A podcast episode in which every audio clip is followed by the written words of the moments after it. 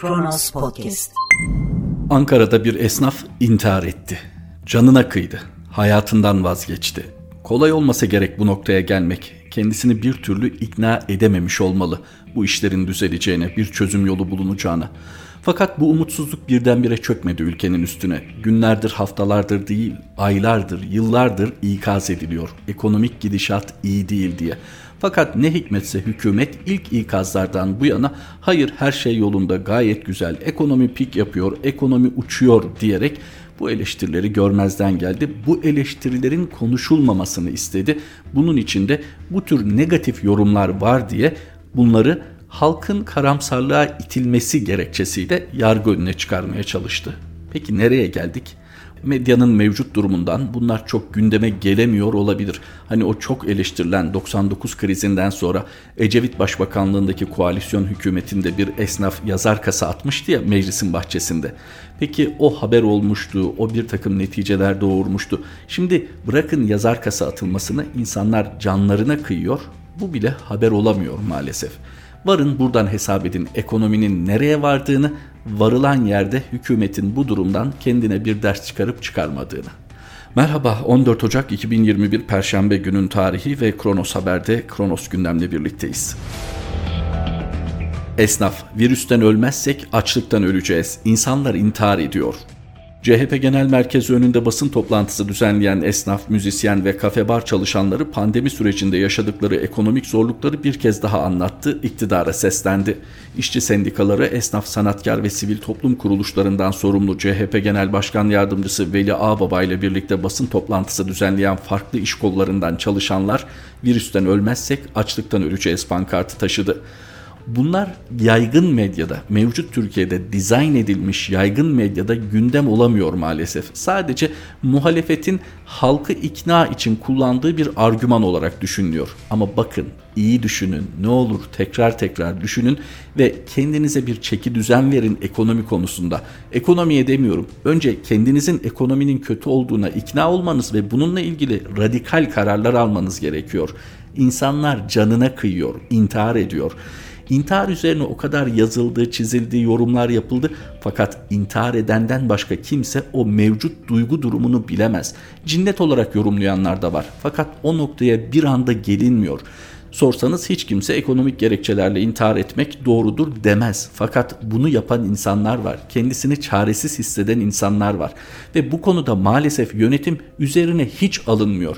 E insanlar daha nasıl protesto edebilirler ki? İnsanlar daha nasıl kendi durumlarını anlatabilirler ki? Canlarından vazgeçiyorlar fakat bu konuda yönetimden bir Allah'ın kulu da çıkıp demiyor ki ya bu işte bizim de payımız var. Yani en azından acısını paylaşıyoruz. Yahut evet ekonomide gerçekten fark edemediğimiz bir kötü gidişat var. Şu tedbirleri alacağız.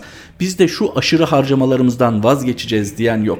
Onlar hep doğruyu yapıyorlar. Hatırlayacaksınız yine böyle bir kriz ortamında o zaman Başbakandı Sayın Erdoğan ne demişti? O kapanan kepenkler için onlar iş bilmeyenlerin kapattığı kepenkler şeklinde bir yorumda bulunmuştu. Peki intihar eden için de ne diyeceğiz? Evet psikolojik bir takım sıkıntıları vardı diyeceğiz. Gündeme gelirse, gelmesine müsaade edilirse eğer sonra yolumuza devam edeceğiz. Bilemiyorum gerçekten insan hayatına kıymet verecekleri bir gün gelecek mi? Günün önemli gelişmelerinden biriydi Erdoğan'ın aşısını yaptırması. Çünkü Erdoğan hafta başında yaptığı açıklamayla Perşembe ya da Cuma günü aşılamanın başlayacağını söylemişti. Sayın Cumhurbaşkanı'nı utandırmadı Sağlık Bakanlığı. Gerekli girişimlerde bulundu ve programlama neticesinde aşılama başladı. Erdoğan koronavirüs aşısı yaptırdı. Sağlıkçıların arasına katıldım. Covid-19 aşısı olan Cumhurbaşkanı Erdoğan Telegram hesabından ben de aşı oldum ifadeleriyle açıklama yaptı. Daha sonra Twitter hesabından paylaşım yapan Erdoğan başarıyla devam eden aşı programımız dahilinde şu ana kadar 254 bin sağlık çalışanımız ilk doz aşılarını oldu. Ben de onlara katılarak aşılandım. İnşallah çok kısa süre içinde tüm vatandaşlarımızı aşılamayı hedefliyoruz. Hayırlı uğurlu olsun dedi. Cumhurbaşkanı aşılandı, Sağlık Bakanı aşılandı. Cumhurbaşkanının ifadesinden anlıyoruz 254 bin sağlık çalışanı aşılandı. Alişan aşılandı bu arada. Ancak Avrupa'da uygulama farklı. Bizdeki gibi bir durum söz konusu değil. Orada teşvik etme ihtiyacı duyulmamış anladığımız kadarıyla. Belki kullanılan aşılara duyulan güvenle de ilgili olabilir. Burada Sayın Cumhurbaşkanı diyor ya teşvik amaçlı siyasi liderler ve milletvekillerimiz kendileri için belirlenen noktalarda aşı olacaklardır diyor. Türkiye'de halkın Çin aşısı olma konusunda anladığımız kadarıyla bir teşvike ihtiyacı var. Avrupa'da da tabii aşılamayı doğru bulmayan uzmanlar var. Sosyal medyada zaman zaman paylaşımlarda bulunuyor. Fakat Avrupa buna rağmen genel hatları itibarıyla bu öncelik sıralamasında yaş ve risk durumunu gözetiyor. Siyasi pozisyonu önemsemiyor. Demek ki bir teşvik ihtiyacı da hissetmiyor bu konuda. Almanya'da Angela Merkel başbakan, keza İngiltere'de Boris Johnson aşı için sıralarını bekliyorlar. Koronavirüsle ilgili güncel verileri aktaralım. Türkiye'de 170 kişi daha Covid-19'dan öldü. Vaka sayısı 2 milyon 365 bin. Sağlık Bakanlığı koronavirüs rakamları ile ilgili açıklama yaptı. Resmi rakamlara göre son 24 saatte koronavirüs salgınında 170 kişi daha vefat etti. 8962 yeni vaka tespit edildi. Toplam vefat sayısının 23495'e yükseldiği açıklandı. Aşı gündemde tabi etki durumuna göre gündemde kalıp kalmayacağı da belli olacaktır. Sıradaki haber başlığı da bunu irdeliyor. Çin aşısı güvenli mi? Uzmanlar ne diyor? Koronavak hakkında neler biliniyor? Türkiye'nin Çin aşısıyla ilgili verileri 1322 vaka üzerinden hesapladığını belirten Hacettepe Üniversitesi'nden Profesör Doktor Mehmet Ceyhan, çalışma sonuçlarının güvenilir olması için belli sayıda denek kullanılması gerekir. Bu parametreler içinde en az denek gerektiren toplam test pozitiflerde azalma için bile en az vaka sayısı 7100'den düşük olmamalıdır dedi. Çin aşısının faz 3 sonuçlarındaki yan etkilere ilişkin açıklamanın da yetersiz olduğunu belirten Ceyhan, Endonezya ve Brezilya'dan gelecek faz 3 sonuçlarının dikkatle izlenmesi gerektiğine işaret etti. Harvard Üniversitesi'nde yardımcı doçent Emrah Altındiş de Çin aşısının Türkiye'deki faz 3 sonuçlarını yetersiz buldu.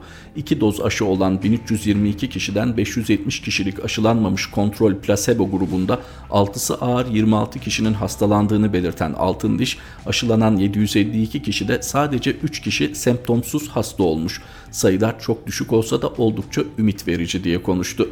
Uzmanların farklı görüşleri var fakat hepsinin ortak kanaati ise faz 3 sonuçlarındaki belirsizlik ya da Türkiye özelindeki denek sayısı yetersizliği. Ancak bizimle birlikte Brezilya ve Endonezya'da da malumunuz koronavak aşısı kullanılacak. Bununla birlikte Endonezya'da %65, Çin'de ise %50,4 oranında bir etkinliği olduğu ortaya konuldu faz 3 ile ilgili sahada görülecek gibi öyle anlaşılıyor. Umarız vatandaş için, umarız tüm insanlık için hayırlı olur. Bu salgından kurtulmak adına önemli bir adım olur. Ve diğer başlık Bahçeli neye mal olursa olsun Cumhur İttifakı sonuna kadar yaşayacaktır. MHP Genel Başkanı Devlet Bahçeli, Cumhurbaşkanı Erdoğan'ın Cumhur İttifakı'nın zeminini genişletmek amacıyla yaptığı veya yapacağı temas ve ziyaretlerden rahatsız olmasının söz konusu olmadığına işaret ederek hatta bu temas ve ziyaretlerin ittifakımızın güçlenmesine hizmet edeceğinden dolayı desteğimiz tamdır dedi. Cumhur İttifakı'nın sonuna kadar devam edeceğini kaydeden Bahçeli, Cumhur İttifakı hususunda fitne çıkarmak için tahkimat yapanlara da diyorum ki rahat olun, huysuzluğu bırakın, hırçınlıktan dönün, samanlıkta olmayan iğneyi aramaktan vazgeçin. Net olarak açıklıyorum, neye mal olursa olsun Cumhur İttifakı sonuna kadar yaşayacaktır değerlendirmesinde bulundu. Sayın Bahçeli'nin yakın geçmişteki söylemleri hatırlandığında bence bu kadar yukarıdan bu kadar net ifadeleri de çok bir anlam taşımıyor. Çünkü Sayın Bahçeli Sayın Erdoğan hakkında fevkalade ağır suçlamalarda bulunmuş. Akabinde Sayın Erdoğan'la bir araya gelmiş ve bunun milli beka için gerekli olduğunu savunmuştu. Yarın yine milli beka sorunu ortaya çıkar ve bu defa Erdoğan'la ittifaktan ayrılmak gerekirse acaba bu kadar üst perdeden konuşmalarının hesabını verecek mi? Hiç sanmıyorum. Çünkü bu konuda kendisine daha önceki söylemleri hatırlatılamıyor, sorulamıyor. Çünkü malumunuz tekrar edelim medyamız dizayn edilmiş vaziyette. Akşener'den Ümit Özdağ açıklaması yargı çok hızlı çalıştı bu çok manidar.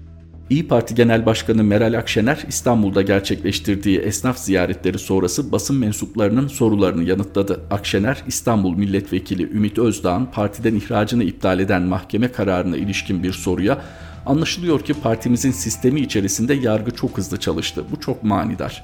Yargıyla işi olan bütün vatandaşlar için de bu konuda örnek olur bu hızlı karar verme işlemi. Demek ki yargı Sayın Bahçeli'nin ortaya koyduğu tavrı doğru bulmuş dedi. Sayın Akşener'in Ümit Özdağ'ın ihracı sonrası mahkemenin verdiği karara ilişkin değerlendirmesi bu şekilde. Burada tabii İyi Parti'nin de Cumhur İttifakı'na eklenmesi söz konusu olur mu? Bu soru üzerinde Cumhur İttifakı'nın önde gelen iki ismi Sayın Erdoğan ve Bahçeli'nin çalıştıkları çok belli. Her ikisinin de dönemsel olarak Sayın Akşener'e ilişkin olumlu sözleri oldu. Hatta Sayın Bahçeli defalarca açık çağrıda bulundu. Peki bundan sonra Sayın Akşener ve İyi Parti'nin tutumu ne olur? Burada parti ile yönetim arasında farklı görüşler ortaya çıkarsa partinin fevkalade bir etki kaybı yaşayacağı muhakkak. İşte tam da bu düşünülerek belki de partiden bazı isimlerin şimdiden bunun altyapısını oluşturmaya çalıştığı, belki de bunun için yönlendirildiği konuşuluyor. Tabi bunları hiçbir şekilde taraflardan biri açık olarak ifade etmediği sürece bilmemiz mümkün değil. Ama Sayın Akşener'i de haksız bulmak mümkün değil şu konuda. İyi Parti'nin ihraç ettiği Ümit Özdağ'ın haksızlığa uğradığı kararı o kadar hızlı çıktı ki Türkiye'de hani yaşayarak bilenler daha da içinde meselenin senelerce devam eden kritik davalar var. İnsanların hayatları fevkalade olumsuz etkileniyor ama mahkeme bu konuyu çok önemli bulmuş ve Sayın Özdağ'ın partiden haksız şekilde ihraç edildiğini belirtmiş. Davutoğlu AKP 17-25 Aralık'ta kendisine de kayyım atadı. Partisinin Mardin İl Kongresi'ndeki konuşmasına Kürtçe, Arapça, Türkçe ve Süryanice selamlamayla başlayan Davutoğlu AK Parti'nin kendisine 17-25 Aralık'ta kayyım atadığını belirterek AK Parti programı, ilkeleri, siyaseti atanan kayyımla fiilen yok edilmiştir. Artık AK Partili kardeşlerim MHP'li taklidi yapabildikleri oranda kendilerine AK Parti'de yer bulabilir hale gelmiştir dedi. AK Parti politikalarının artık tamamen Perinçek ve Bahçeli güdümünde olduğunu söyleyen Davutoğlu, Cumhurbaşkanı Erdoğan'ın da bir savrulma içinde olduğuna işaret etmiş bu konuşmasında Mardin İl Kongresi'ndeki. Sayın Davutoğlu hep belirtiyoruz arada çok ilginç çıkışlar yapıyor fakat Sayın Kılıçdaroğlu'nun çıkışları gibi arkasında durmayı gerektiriyor. Sayın Kılıçdaroğlu hep muhalif olduğu için şu ana kadar AK Parti serüveninden bahsediyorum. Hep muhalif tarafta yer aldığı için belki AK Parti tabanında o kadar karşılık bulmayabilir. Fakat Sayın Davutoğlu'nun AK Parti'deki geçmişi, başbakanlığı, danışmanlığı, Dışişleri Bakanlığı tüm bunlar düşünüldüğünde AK Parti tabanına da hitap ettiği öngörülebilir. Bu durumda Sayın Davutoğlu'nun söylemlerinin arkasında durması da çok önem taşıyor. Özellikle hani şu konuşursam yer yerinden oynar edalı bazı cümleleri var ya konuşmanız bekleniyor, konuşmanız isteniyor. Şunu da çok net ifade edelim. Konuşursam yer yerinden oynar demek iki anlam taşır. Bir, günü gelecek ve konuşacağım. Bir şeyleri bekliyorum demek. İkincisi bakın konuşmayayım. Benim sizden istediğimi verin anlamı da taşıyabilir. Bu ikincinin izlenimi artarsa eğer halkta mevcut partiniz belki seçim dahi görmeden etkisini tamamen yitirebilir. Yani parti bir pazarlık unsuru olarak değerlendirilirse seçmen tarafından işte o zaman yazık olur bunca emeğinize, bunca insanın desteğine. AK Partili Çelik, sosyal medya şirketleri devlet gibi davranıyor. Partisinin genel merkezinde basın toplantısı düzenleyen AK Parti sözcüsü Ömer Çelik, sosyal medya şirketlerinin bir devlet otoritesi gibi davranması dünyanın her tarafında eleştiriliyor dedi. Amerika Birleşik Devletleri Başkanı Trump'ın sosyal medya hesaplarının askıya alınması ile ilgili soru üzerine Çelik şu yanıtı verdi. Şiddet yanlısı açıklamaları topyekun reddettiğimizi bir kere daha söylüyorum. Fakat bunun yanı sıra sosyal medya şirketlerinin benimsedikleri siyasi tutuma göre karşı tutumdaki kişilerin sosyal medya hesaplarında herhangi bir yargı kararı olmadan ya da hangi ölçüye göre yaptıklarını toplumla paylaşmadan yasaklamaları da demokrasilerde ifade hürriyetine aykırıdır. Burada bir boşluk var. Bunlar para kazanan şirketler. Para kazanan şirket bir devlet gibi, mahkeme gibi hareket ediyor. Kuşkusuz nefret suçlarına, teröre, insanlığa karşı işlenen suçlara karşı güçlü tedbirlerin alınması gerekiyor demiş AK Parti sözcüsü Ömer Çelik. Çok hassas bir konu değil mi? Düşünün senelerce birlikte yol yürüdüğünüz, tabiri caizse koruyup kollandığınız bir isim bir takım sıkıntılı süreçlerden geçiyor. Bir başarı gösteriyor, iki kere azlediliyor. Burada tabii tam olarak azille mi noktalanacak pek ihtimal verilmiyor. Daha fazla olayları derinleştirmemek, tepkiyi daha böyle su yüzüne çıkarmamak adına tabiri caizse tadında bırakmak taraftarı olan uzmanlar ve siyasiler var. Amerika Birleşik Devletleri'nde o ayrı bir başlık fakat Türkiye'ye yansımasına baktığımızda Sayın Ömer Çelik buradan nereye varmak istiyor derseniz sanki bu son günlerde WhatsApp'la ilgili daha doğrusu ana hatları itibariyle sosyal medya yahut da bu iletişim ağlarında veri paylaşımı konusunu gündeme getiriyor. Bir taraftan da dataların paylaşımı milli güvenlik meselesidir diyor çünkü konuşmasında bir yerde. Peki dataların paylaşımı milli güvenlik meselesi. WhatsApp'tan elimizi eteğimizi çekelim, kurtulalım. Peki güzel. Sizin önerdiğiniz özellikle yerli diye önerdiğiniz bir takım mesajlaşma programları ne kadar güvenli? Ha şunu diyorsanız tamam. Devletin sınırları içinde devlet her şeye erişmeli, ulaşmalı. Hani özel hayat, güvenlik söz konusu olduğunda özgürlüğün ne anlamı vardır diyorsanız tamam bu da bir görüş. Böyle düşünenler de yok değil. Fakat vaat ettiğiniz bu değildi topluma. Hani şimdi sosyal medyayı çok rahat eleştiriyorsunuz ya devlet otoritesi gibi davranıyorlar vesaire.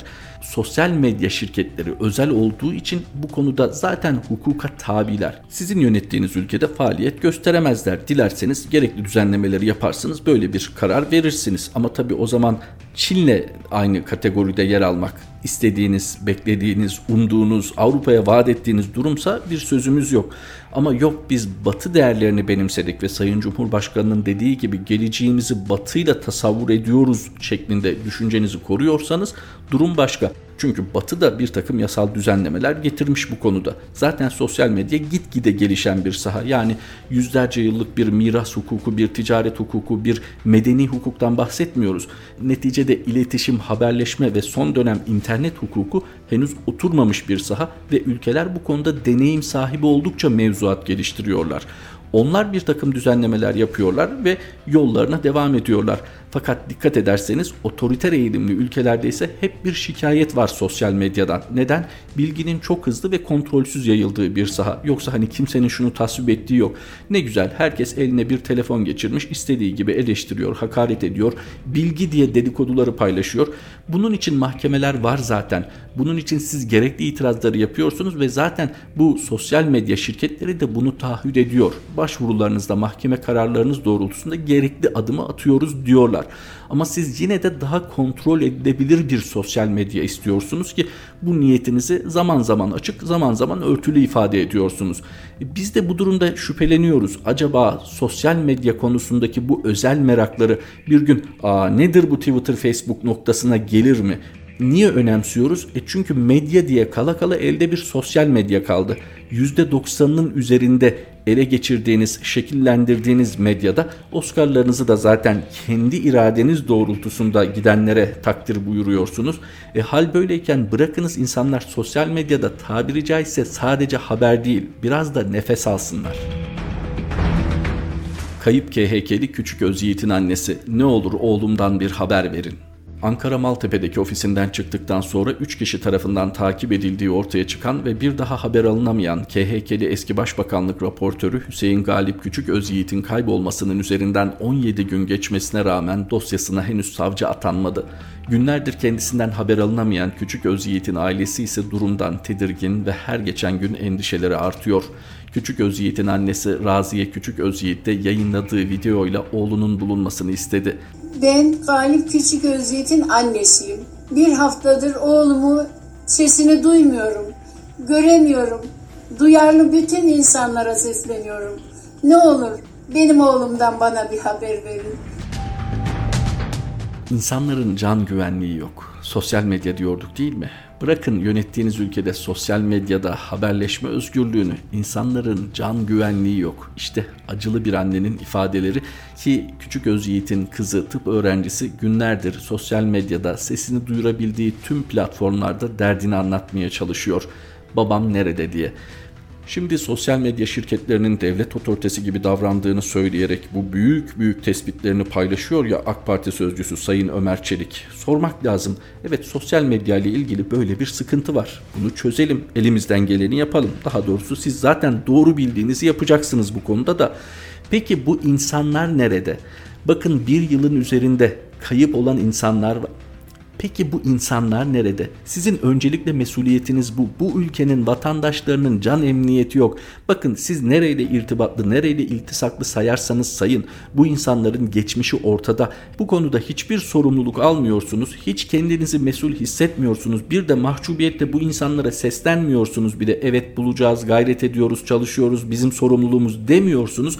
Dosyasına savcı dahi atanmıyor. Ama maşallah sosyal medya eleştirisine geldiğinde neymiş devlet otoritesi gibi davranıyorlarmış. Bu ülkede devlet otoritesi nerede Sayın Çelik? Bu çok önemsediğiniz devlet otoritesi bu ülkenin vatandaşlarının bir bir ortadan kaybolmasından hiç rahatsızlık duymuyor mu? Gerçekten rahat uyuyabiliyor musunuz? Kronos Haber'de Kronos gündemi aktardık. Tekrar buluşmak üzere. Hoşçakalın. Kronos Podcast